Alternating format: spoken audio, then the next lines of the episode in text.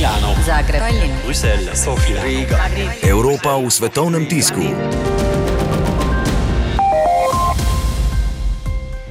Svetovni časniki danes v ospredje, kar se tiče Evrope in Evropske unije, postavljajo preložitev brexita.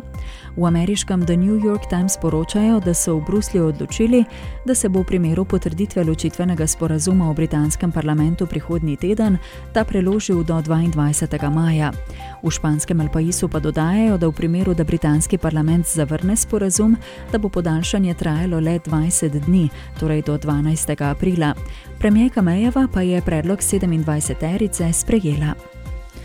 V nemškem Frankfurter Allgemeine Zeitung v članku z naslovom EU in ZDA zahtevata izpustitev vodje Gvajdojevega kabineta, pišejo, da so v Carakasu aretirali vodjo kabineta samo uklicanega začasnega predsednika Venezuele Juana Gvajdoja Roberta Marrero.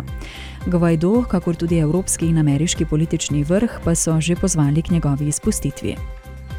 Potem, ko se v francoskem Le Figaro sprašujejo, koliko smo evropejci odvisni od kitajskega gospodarstva in dodajajo, da kitajska gospodarska ekspanzivnost vznemirja Evropo, v italijanskem Corriere della Sera pišejo, da je kitajski predsednik Xi Jinping prispel v Rim.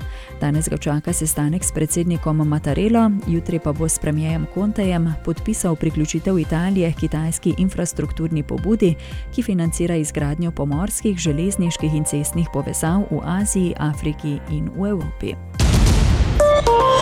Milano, Zagreb, Tallinn, Bruselj, Sofija, Riga.